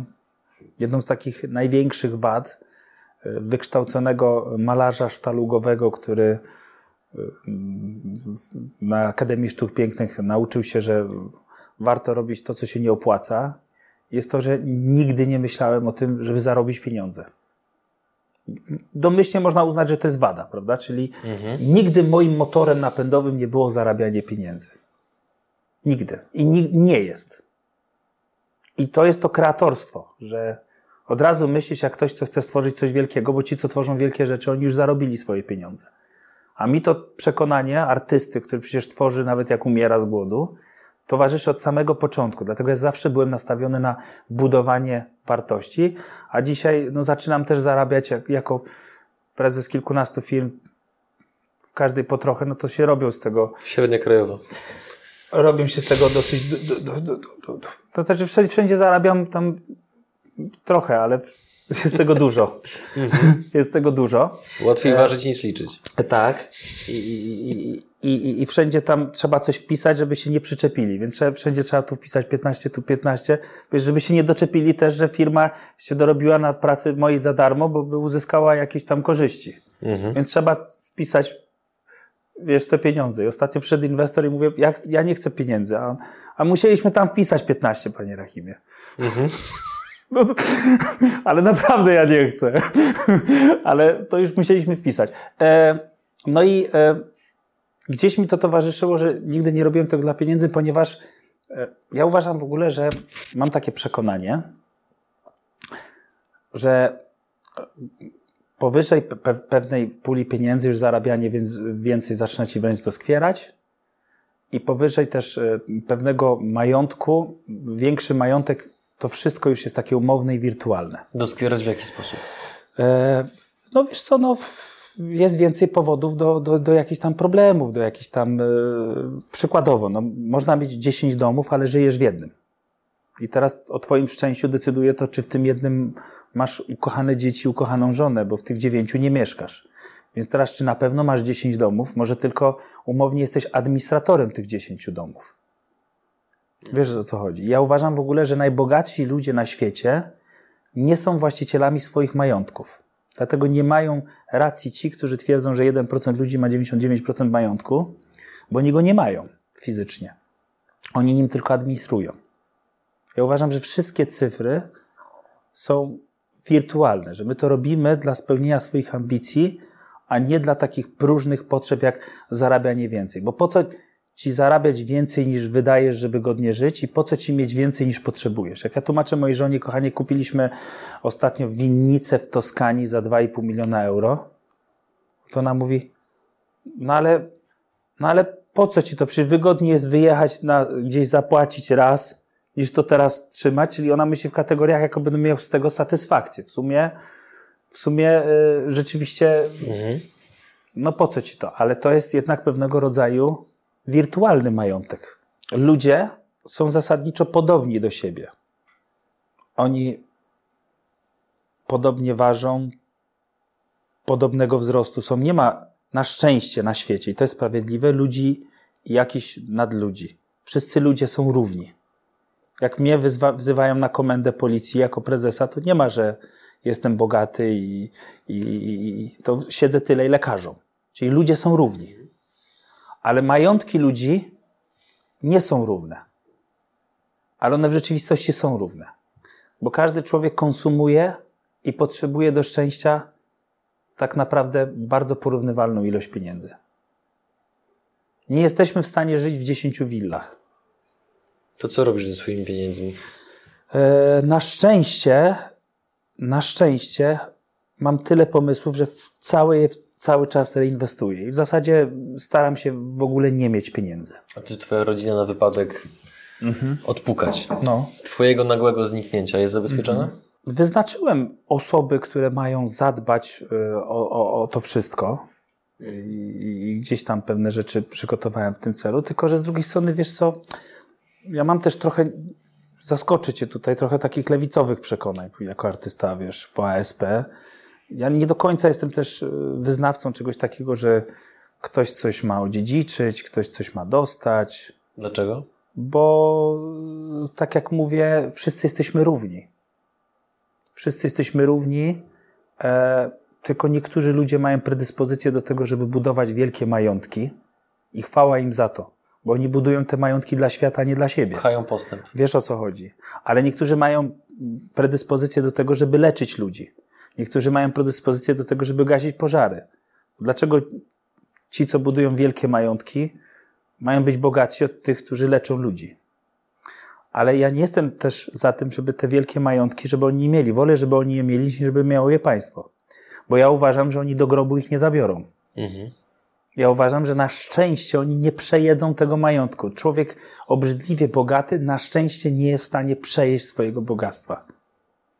Jego fabryki pracują, dostarczając wartość dla klientów, jego fabryki zatrudniają ludzi i uważam, że budowanie wielkich majątków, przez to, że człowiek nie jest w stanie spożyć 10 tysięcy razy więcej kalorii, jest w porządku. To jest też dla mnie motor do działania, że ja mogę tworzyć, ale tworzę jednak, nawet jeżeli coś jest na moich księgach. to jednak tworzę to dla świata. Dla klientów, którzy zadeklarowali, że tego potrzebują, dla postępu, żeby ludziom żyło się lepiej, dla pracowników, żeby mieli dobre warunki pracy i jak najlepsze wynagrodzenia. Majątek, nawet prywatny, nie jest czymś prywatnym. I nie wiem na przykład, czy bym nie zrobił krzywdy dziecku, gdybym mu kazał to wszystko no to zapytać właśnie. No, no, no. Ale tutaj też nie mam gotowej odpowiedzi. To jest bardzo skomplikowane. Czyli jeszcze to jest na etapie przemyśleń. Jeszcze to jest na etapie przemyśleń, gdzie miesza się, wiesz, mhm. myślenie przedsiębiorcy z myśleniem mm, trochę takiego właśnie no, lewicowego artysty. Ja też nie jestem jednoznacznie o lewicowy, o mhm. prawicowy. To też są są bardzo duże gradacje, wiesz. Dużo zależy. Trzeba być politykiem, żeby się opowiedzieć, po której stronie na szczęście nie jestem. Raczej wiem, że to wszystko jest bardzo takie płynne, płynne bo na przykład nie jestem za tym, żeby ktoś się urodził i coś dostał, ale nie jestem też za tym, żeby e, opodatkować spadek. No bo można komuś, ktoś może odziedziczyć e, razem ze spadkiem duży problem. Mhm. My teraz kupujemy winnice toskańskie, starzejące się społeczeństwo, fatalny system y, biurokratyczny i widzimy wady systemu włoskiego, że my teraz Polski tutaj, wiesz, chłopaki z Katowic, ziemi włoskiej do Polski, idziemy, kupujemy winnice, nie? Mhm. Czyli korzystamy na tym, że coś tam nie działa, nie? Mhm. Wracając na chwilę do Twojego zdjęcia, które pokazałeś y, na początku wywiadu, jak taka, jak takie powiedzmy korzenie Twojego życia uważasz wpływają na Ciebie obecnie? No na pewno. Dają ci jakiś napęd? To jest jakaś twoja, jakiś taki twój, wiesz, wewnętrzny reaktor atomowy? No bo to jest, to co pokazałeś, to jest dramat dla wielu ludzi. Tak, ale też, no znowu wzmacniają jednak. Co cię nie zabije, to cię mhm. wzmocni. Pod warunkiem, pod warunkiem że, że cię nie zabiło oczywiście, bo jak nie żyjesz, no to po temacie. Więc co cię nie zabije, to cię wzmocni i cię raczej hartuje i twoja odporność jest mocniejsza. Kwestie tego, że Urodziłem się na Bałkanach, e, moja mama jest z Kosowa, tata z Serbii, ja się urodziłem w Macedonii, potem przyjechałem do Polski. To też jest pewna taka złożoność, która wpływa też na pewną mhm. wewnętrzną różnorodność. Moja żona z kolei jest skandynawska, bardzo introwertyczna, bardzo taka dostojna w zachowaniu, co jest jeszcze zderzeniem z innym światem i to wszystko jakby jednak prowadzi do bycia takim generalistą, nie? A teraz powiedz mi, no bo y, trudne wydarzenia w naszym życiu, jak na przykład y, właśnie to, co pokazałeś, to jest pewnego rodzaju energia. I tą energię można wykorzystać jako budulec, co z mojej perspektywy ty ewidentnie robisz, ale jest to też energia, która może nas w pewien sposób zniszczyć, przekonać nas wewnętrznie do tego, że urodziliśmy się w niewłaściwym miejscu, niewłaściwym czasie i generalnie jesteśmy, nazwijmy to bardzo upraszczając, przegrani. Więc co ty zrobiłeś? Jak wyglądał moment albo proces, że tą właśnie energię ty przekułeś w to, co nas w tej chwili otacza? Wiele rzeczy się na to składa, bo jednak e, nie na wszystko jednak mamy wpływ, bo są jednak problemy hormonalne, dziedziczne, depresyjne i jeżeli ktoś będzie opowiadał, że wszystko siedzi w twojej głowie, no to ja jestem daleki od takich kupawych uproszczeń, prostackich wręcz bym powiedział. E, więc e, wiele niestety rzeczy, na które nie mamy wpływu, ale u mnie tym motorem jest e, po pierwsze instynkt przetrwania, po drugie chęć tworzenia, po trzecie no ta droga transformacji, czyli ta droga postępu, budowania, kreowania. I, I, to jest też ta droga od, można powiedzieć, zera. No to jest jednak coś, co cechuje najbardziej majętnych ludzi na świecie, gdzie raczej ci ich dziedzice no, nie pomnażają tego kapitału, a najczęściej ludzie, którzy dorobili się wielkich rzeczy, to jednak stworzyli je od zera. Czyli też mhm. żyjesz w takim tak. przekonaniu, że nie musisz, nie, że nie musi być nic dane, żeby udało ci się coś osiągnąć. Że nie ma czegoś takiego jak to, że się musisz na szczęście. Zobacz, jakie to jest sprawiedliwe, że musisz się dobrze urodzić. Nie musisz. Nie musisz się też urodzić e, utalentowany. Polega, po, polecam książkę Carol Dweck, Nowa Psychologia Sukcesu. Tym, że nie ma, nie ma e, talentu, tylko jest ciężka praca. Co oczywiście stoi w sprzeczności z książką Taleba Czarny Łabędź, która mówi, że przypadkowość i szczęście. Tak jak mówię, mamy tu dwie y, filozoficzne teorie, które Dlatego warto poznać obie. Dlatego warto poznać obie, tylko to nie jest dobre na wywiady na YouTubie, bo w końcu nie wiadomo o co mu chodzi i nic konkretnego nie powiedział. Tak naprawdę to wszystko jest po prostu skomplikowane. Tak, dobra, wejdźmy z YouTube'a, włączmy, włączmy TikToka, tam będzie coś prostego. No właśnie, tam będzie coś prostego, że wszystko siedzi w twojej głowie. Mhm. Zrozum. Wszystko siedzi w twojej głowie.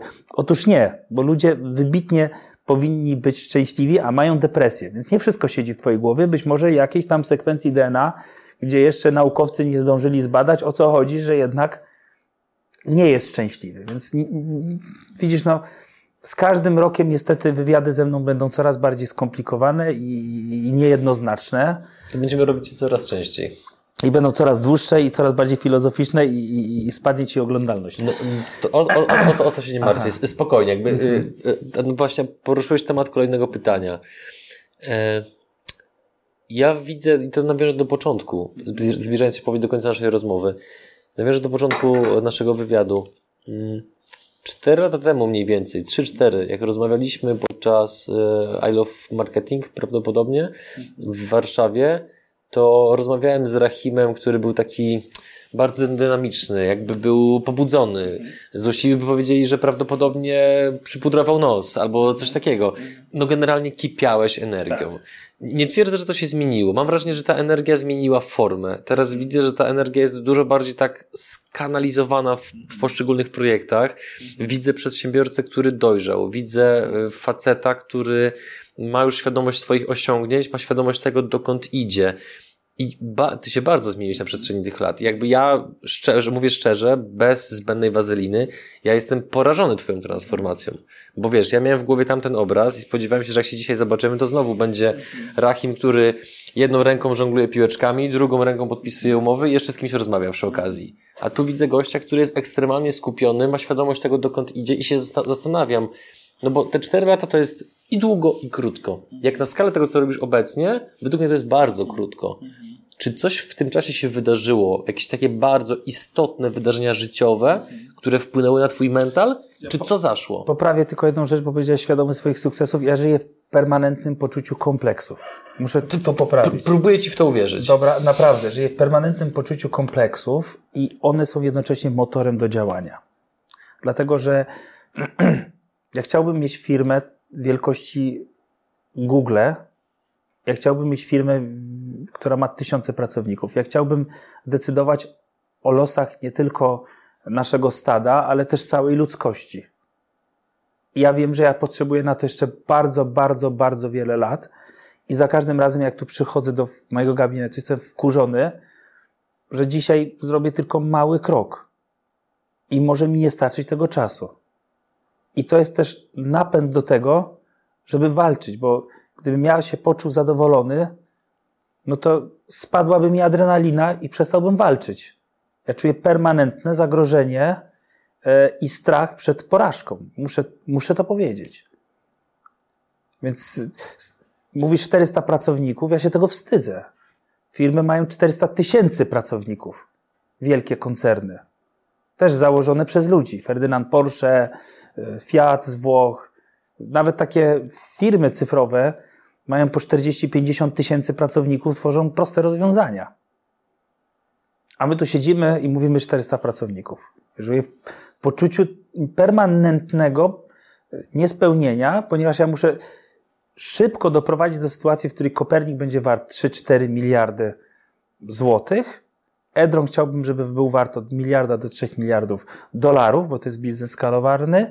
Natomiast chciałbym, żeby Mozaiko to była firma warta już dziesiątki, setki miliardów, bo to jest w ogóle taki projekt, który z kolei no, walczy o coś więcej niż tylko biznes, tak jak Kopernik, jednak przewidywalny. E, Edron ma ogromny, ogromny potencjał, bo jeszcze teraz pracuje nad Awą, ale tutaj jakby zostawię Michałowi wypowiedź, bo to on jest teraz prezesem. No i teraz, no gdzie ja jestem? No w dupie jestem. 400 pracowników. Tu chciałbym tylko sprostować. A teraz wracam do twojego, Okej. do twojego pytania, bo chciałbym ci naprawdę szczerze powiedzieć, gdzie jestem, w dupie jestem. E, I to biuro tutaj to też ostatnio przyszedł architekt i powiedział, straszny tu bałagan masz. I teraz pracuję nad nowym gabinetem, bo mnie wkurzył i, i teraz szukam nowego biura. E, ale, ale generalnie y, wtedy to była trampolina. Wtedy jak mnie widziałeś na I Love Marketing, wiesz? Ja dostawałem za szkolenie 20-30 tysięcy złotych. Musiałem zarabiać pieniądze. E, mogłem robić to, co wtedy mogłem. No nie mogłem wtedy budować farm, bo nie miałem e, takiego kapitału, doświadczenia, yy, świadomości, nie byłem na tyle dojrzały, tak? I sytuacja makroekonomiczna była zupełnie inna. Sytuacja jaka? I sytuacja makroekonomiczna była zupełnie inna. No tak, no wtedy był taki hype, wiesz, akurat skończyłem szkolenia, zaczęła się pandemia i, mhm. i tak dalej, więc, więc, yy, więc to była pewna trampolina i tutaj, wiesz, widzisz pewien mo możliwość zrobienia czegoś. Wiedziałem, że te szkolenia to nie będzie zawód mojego życia. Ale wiedziałem jednocześnie, że jak będę miał wielką firmę, to będę i tak musiał szkolić i przemawiać. Więc to był jeden z wielu, wielu, wielu elementów, które składają się na całą, całą układankę. Mhm. Z jednej strony zarabiam pieniądze, mam cash flow, przebijam się, mówię, gdzieś tam występuję. Tak jak mówię, to jest dodatek. Ja dzisiaj w ogóle nie prowadzę mediów społecznościowych, w ogóle. W ogóle. Masz od tego zakładam zespół? No nie, mam osobę. od tego asystentkę, mam od tego y, Maćka, który coś zrobi, zdjęcie, wrzuci. Y, oczywiście, że można by było się na tym skupić, no ale jak można się na tym skupić, jak ja mam poważniejsze teraz rzeczy na głowie, nie? Więc, e, więc to była wtedy trampolina. No i teraz pytasz... E, Czy ty już wtedy wiedziałeś, mhm. jak wysoko tak. z tej trampoliny znaczy, chcesz skoczyć? Ja wiedziałem, że sprzedam agencję marketingową. Ja okay. wiedziałem, że muszę zarobić teraz... Ja wtedy zarabiałem 600 tysięcy złotych rocznie na przemówieniach, szkoleniach, nie? Więc mhm. ja miałem, wiesz, 5-6 dych y, z biznesu, powiedzmy, który nie generował dużo kosztów, E, e, więc mogłem je reinwestować. Ja miałem dokładną drogę, że robię agencję, wyciskam z niej wszystko, co się da, bo przecież agencja to jest pośrednik rodzaj prostytucji. Wykręcałem z agencji 100 tysięcy netto miesięcznie. Ja wiedziałem, że muszę je reinwestować w rozwiązania sasowe, skalowalne, żeby być właścicielem technologii. No i teraz powstała firma, która yy, wiesz, płaci pracownikom wielu, wiele więcej niż wtedy agencja zarabiała, tak? Yy, I ma potencjał na miliardy. No i wtedy wiedziałem, że E, uznaję też coś takiego, że firma potrzebuje jednego lidera i widziałem, że Michał jest w stanie to zrobić najlepiej na świecie, więc teraz e, wspieram go i nie przeszkadzam. Transformacja energetyczna. No przejdź obojętnie obok zmian klimatycznych. Blockchain. Tu mogą się wydarzyć cuda, więc mhm. chcę zrobić jeden biznes, w którym mogą się wydarzyć cuda, gdzie będzie jakiś ewentualnie pozytywny czarny łabędź i coś wystrzeli w kosmos. Jest taka szansa. E, chcę robić biznes taki infrastrukturalny, gdzie się sobie wykazać, przepraszam za seksizm, taką męską satysfakcją budowniczego. No i wspieram te wszystkie, wszystkie firmy. Więc gdzieś tam od początku, wiesz, miałem tą wizję i to była tylko trampolina i to, że ktoś się tam naśmiewał, komuś się nie podobało coś i tak dalej, no to, no to czy to, to nie ma żadnego znaczenia dla, y, dla, dla y, tej y, większej sprawy, o którą gramy, a a, a gramy o to, żeby, mm, żeby, e, żeby w świecie, i tu jest nasza rola, żeby dokonywał się postęp, który powoduje, że ludzie żyją w lepszym bycie. Czyli budujemy dobrobyt. Mhm. Moim celem jest budowanie dobrobytu. Ale jakież to byłoby małostkowe, gdybyśmy to robili dla siebie, a nie dla jak największej ilości ludzi. Mhm.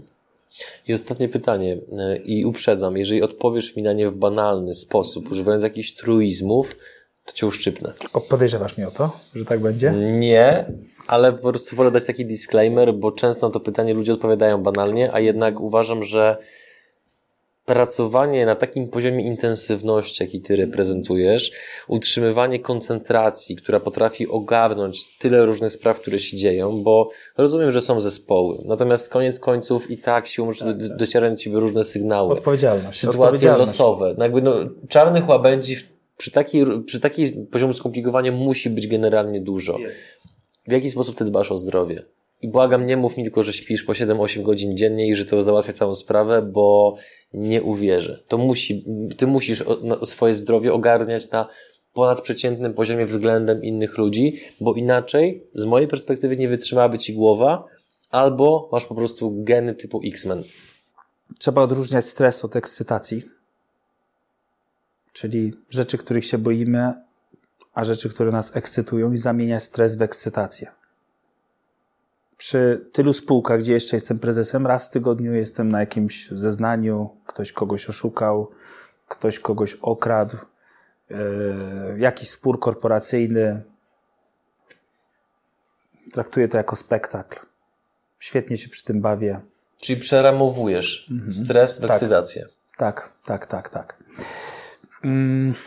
Pracuję też. Może to boję się, że to będzie banalne, ale no, pracuję z wieloma e, osobami, bo widzisz, mm, ja uważam, że stopień trudności i stopień skomplikowania nas wzmacnia, a nie osłabia.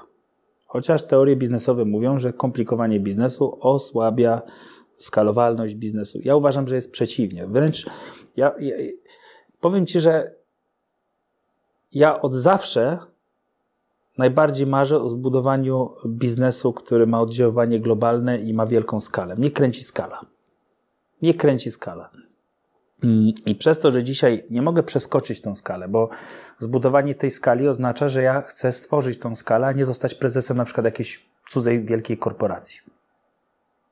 Nie zrobię tego z dnia na dzień. Ja dzisiaj sobie na siłę komplikuję życie. Żeby wiedzieć, jak się będę czuł, kiedy się to zdarzy i żeby mnie to nie przytłoczyło. To jest trochę jakbyś biegał i dał sobie jakieś ciężarki, żeby ci było trudniej. Ja dzisiaj sobie komplikuję, bo uważam, że 400 pracowników to jest, Kompleks, tak, to słyszeliśmy. jest poczucie. y, W ogóle dziwne, że zaprosiłeś mnie na wywiad, wiesz. O czym my tu gadamy? Jest dużo firm, które Te- mają dużo więcej. też Więc zaczą- o czym, my tutaj, o czym my tutaj rozmawiamy, tak? O czym my w ogóle tutaj rozmawiamy? Chyba tylko o przyszłości, bo teraźniejszość to jest jeszcze nie ma się czym chwalić. Więc ja sobie komplikuję życie. Mam taką zasadę, że decyzje podejmuję strategiczne tylko wtedy, kiedy się czuję najgorzej i jest mi najtrudniej. I się tego trzymam. Naprawdę? Od nikogo, jest- tego, od nikogo tego nie zerżnąłem, To jest wiesz? tak nieintuicyjne, No, że... ale ja tam taką mam zasadę, od nikogo tego nie zerżnąłem. Generalnie, wiesz, nie. Dużo czytam, ale nie staram się robić tak, jak przeczytałem, tylko Mhm. staram się robić też po swojemu, nie? No Ale skąd masz przekonanie, że czując się kiepsko i mając prawdopodobnie określony stan biochemii w organizmie, typu wysokie stężenie kortyzolu, skąd przekonanie, że w tym stanie ty podejmiesz najlepszą decyzję, nie Będę lojalny, będę lojalny tej decyzji wtedy, kiedy będę w bardzo złej sytuacji. To jest tak jak takie przysłowie, prawdziwy przyjaciół poznaje się w biedzie. Ja z moją żoną jestem prawie 20 lat i tylko dlatego, że przeżyłem z nią wiele trudnych chwil, wiem, że, że będziemy zawsze razem, tak? Bo już wiesz, to nie jest już e- efekt, wiesz, motyli w brzuchu i zajebistości, jest fajnie, a potem się okazuje, że ci śmierdzi z ust i już cię nie kocham, nie? Albo na przykład rano nie wyglądasz tak pięknie jak na naszej ostatniej randce, rozumiesz? Więc w związku z tym ja strategiczne decyzje o tym, czy coś robię, muszę podejmować w sytuacji, kiedy jestem strasznie zmęczony. Ja pamiętam kiedyś, e, było tak, że e, urodziło e, się drugie dziecko, żona, no to wiesz, no to, no to przechodzi swoje, to jest ogromny ciężar. Ja wtedy jeździłem jeszcze na szkolenia, Wróciłem y, ze skończoną prezentacją 23 do domu. Żona oczywiście no, nie była zadowolona. Y, O 6 rano miałem y, wyjazd do Poznania, o 6 rano. Sprzątałem do pierwszej w nocy, potem jeszcze kończyłem prezentację, po dwóch godzinach wyjechałem. Bez snu. I wtedy, dobra Rahim, chcesz otworzyć tą firmę energetyczną? To wtedy nie myślę sobie w kategoriach, dobra, leżę sobie na plaży, kuźwa, napiszę książkę, dam radę, zajebiście się czuję w ogóle. Ale jak się będziesz czu, czuł, czuła, czuł w sytuacji, w której będziesz pod ścianą, to może podejmij decyzję o tym ruchu, improwizując siebie pod, będącego pod ścianą i zobaczymy, czy naprawdę to jest coś, co musisz zrobić wbrew wszystkiemu, a nie jeżeli wszystko idzie pomyślnie. Nigdzie tego nie wyczytałem. Po prostu stworzyłem sobie taki model. I przeważnie to robię jadąc samochodem, jadąc pociągiem. Czy Bardzo to robię? ciekawe. Dzwoni do mnie asystentka z nienacka i pyta mnie o coś, to nie mówię, słuchaj, muszę to przemyśleć. Muszę na spokojnie się zastanowić, bo na spokojnie to można, wiesz, zasnąć. Tylko po prostu, tylko po prostu zastanawiam się, czy jestem gotów podjąć i to wyzwanie w sytuacji, w której wydaje mi się, że jestem pod ścianą, bo przecież nie jestem pod ścianą, bo jeszcze, jeszcze nie zatrudniam kilkudziesięciu tysięcy ludzi, a moje farmy już niedługo, jak tak będzie wiało, no to trzeba zobaczyć, czy czasem nie spowodują katastrofy jakiejś, wiesz, w postaci, wiesz, że zaczną latać na przykład, tak? Mhm. Bo wieje trochę mocniej niż y, konstrukcje y, y, przewidziały. Więc ja nie mogę teraz, wiesz, w obliczu e, latających konstrukcji podejmować decyzję leżąc na plaży. Albo jak w ogóle słyszę kogoś, że jedzie na wakacje naładować baterię. To co wtedy myślisz? Myślę sobie o tym, że to że ta, ta no strefa dawaj, komfortu, dawaj. że ta strefa komfortu e, nie wróży dobrze. Dlaczego? Jak myślę o kimś, no dlatego, że no, tworzenie wielkich rzeczy, w których na przykład boisz się, że twoja farma zacznie latać zaraz nad jakąś, nad czyjąś głową, rozumiesz? No to to tutaj naładowanie baterii nie pomoże. Tutaj musisz raczej jak sportowiec włączyć drugi oddech Czyli tak jak już masz dość mhm. po 20 kilometrach i wtedy to już, co masz odpocząć? Wtedy musisz wejść na taki wyższy poziom, gdzie już po prostu przekraczasz pewne granice. Raczej bym się zastanowił nad tym, jak przekroczyć te granice, a nie jak naładować baterię. Albo jak ktoś mówi na przykład, że e, muszę się na czymś skupić. No to to też jest strefa komfortu, tak? To żaden trener, który przygotowuje cię do jakiejś walki, to nie powie ci, y, nie wiem, do walki w klatce na przykład, to ci nie powie, dobra, to teraz y, zrobię ci taki lekki trening, żebyś się dobrze czuł. No i ktoś mówi na przykład, że e, muszę się na czymś skupić. No, fajnie by było się na czymś skupić, ale ty nie masz tego komfortu się na czymś skupić. Jak, jak to się ma, chociażby w kontekście pracy głębokiej? Jakbyś to skomentował? No bo umiejętność skupienia się, zwłaszcza w dzisiejszych głośnych czasach, no to przez wielu jest traktowana wręcz jak supermoc. Więc chciałbym, żebyś doprecyzował, żeby widz i słuchacz nie wyciągał mylnych wniosków z tego, co mówisz a propos tego, że... A jak myślisz, czy na przykład w ekspresji może być dyscyplina? Oj, wchodzimy. Czy w ekspresji, w ekspresji, czy, czy, mhm. działa, czy jak pilot F-40 lata i musi intuicyjnie podejmować pewne decyzje. W pewnym momencie traci oddech, ale musi być czujny musi uchronić, nie wiem, jakąś miasto przed nalotem, które może zostać zbombardowane. To czy on może działać w potrzasku, w granicach wytrzymałości i pracować głęboko? Nie wiem, czy może, ale wiem, że musi. Po prostu musi. I my, ludzie wymagający od siebie ponadprzeciętnych zdolności, musimy mieć zdolność działania w warunkach skrajnych niedoborów i poza strefą komfortu. I tego powinniśmy się uczyć. Jak? Poprzez zderzanie się z tym. Czy jeszcze inaczej? Permanentnie działamy w warunkach skrajnych niedoborów. Ja jestem przekonany, ostatnio w ogóle teraz e, powołuję firmę, która jest totalnym moim wyjściem ze strefy komfortu, przez to, że miałem ostatnio bardzo ciężko z budową farm słonecznych. E, prawdopodobnie zbuduję sam firmę budowlaną czyli zatrudnię mhm. pracowników fizycznych. Czyli to jest w ogóle już, ależ mi było dobrze w tym internecie, po cholery się pakowałem, ale nie chcę, ale muszę. To jest kolejna rzecz. Nie mhm. chcę, ale muszę, nie? Copernic Construction i tam jest coś takiego, że jak będzie tysiąc pracowników i miliard, to będziemy dalej w warunkach niedoborów, bo dalej przyjdą ci ze Skandynawii, którzy mają firmy budowlane od lat stu i dalej nie wiem, czy wygramy z nimi, wiesz, przetarg na budowę, nie wiem, jakichś odnawialnych źródeł energii w Afryce. I permanentnie musimy działać w warunkach niedoborów, permanentnie działamy w warunkach braku samozadowolenia i jednocześnie jest to motor, żeby właśnie dążyć do tego, żeby było lepiej. A jak to się wszystko ma wracając do kwestii zdrowotnych? Bo tak chyba trochę odbiegliśmy.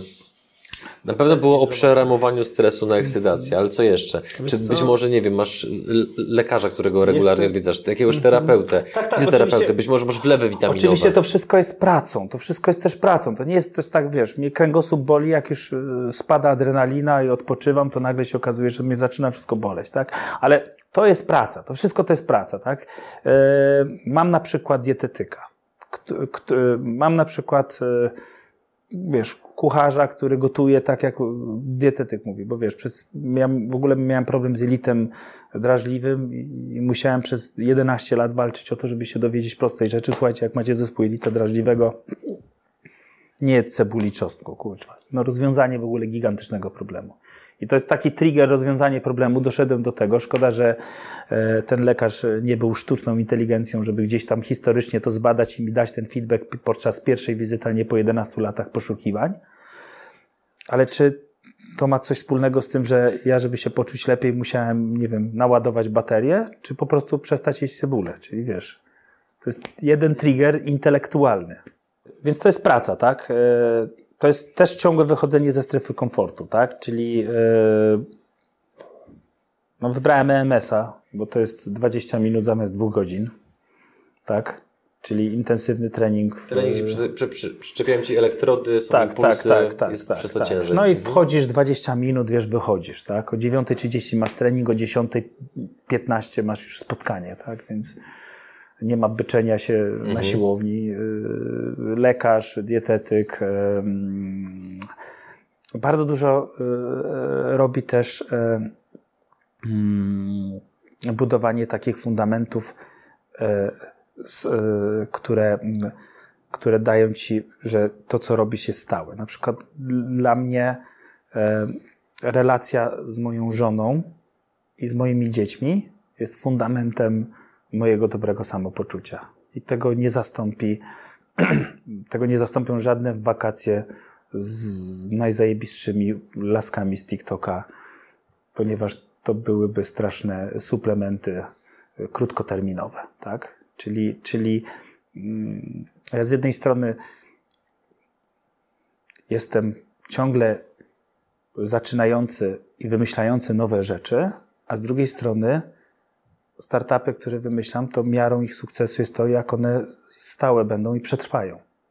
Żadna z firm, które ja zaczynałem tworzyć, nie przestała działać do tej pory, pomimo tego, że znajduje sobie w cudzysłowie nowe zainteresowania. I, I tak samo jest na przykład z moją żoną, z którą jestem, no za rok będę miał 20. rocznicę bycia razem. I to jest takie poczucie budowania fundamentów. I one dają mi dużo większe poczucie, że, że e, to wszystko jest trwałe i zdrowe niż e, ładowanie baterii na wakacjach. Bo wiesz, ja mam dwóch synów, to pojechanie na wakacje to jest dopiero challenge. To jest dopiero challenge, to jest dopiero wyjście z strefy komfortu. E, oczywiście dla mnie w ogóle pojechanie na wakacje z pracą, którą ja wykonuję na rzecz e, totalnego fokusu z żoną, z dziećmi, ale oczywiście no, dla mnie e, pojechać gdzieś na wakacje samochodem z dziećmi, gdzie po drodze zdarzają się dziwne sytuacje, które wymagają ogromnego wysiłku, no to jednak nie są wakacje, tylko też jest to rodzaj pracy. I, i, i, i tą pracę wykonuję, natomiast w tym roku pięciu lat postanowiliśmy e, z żoną, że zrobimy sobie wolne i nie jedziemy na wakacje. W tym momencie postawmy kropkę. Drodzy widzowie i słuchacze, moim gościem był Rahim Plak. Dziękuję za rozmowę. Dziękuję bardzo.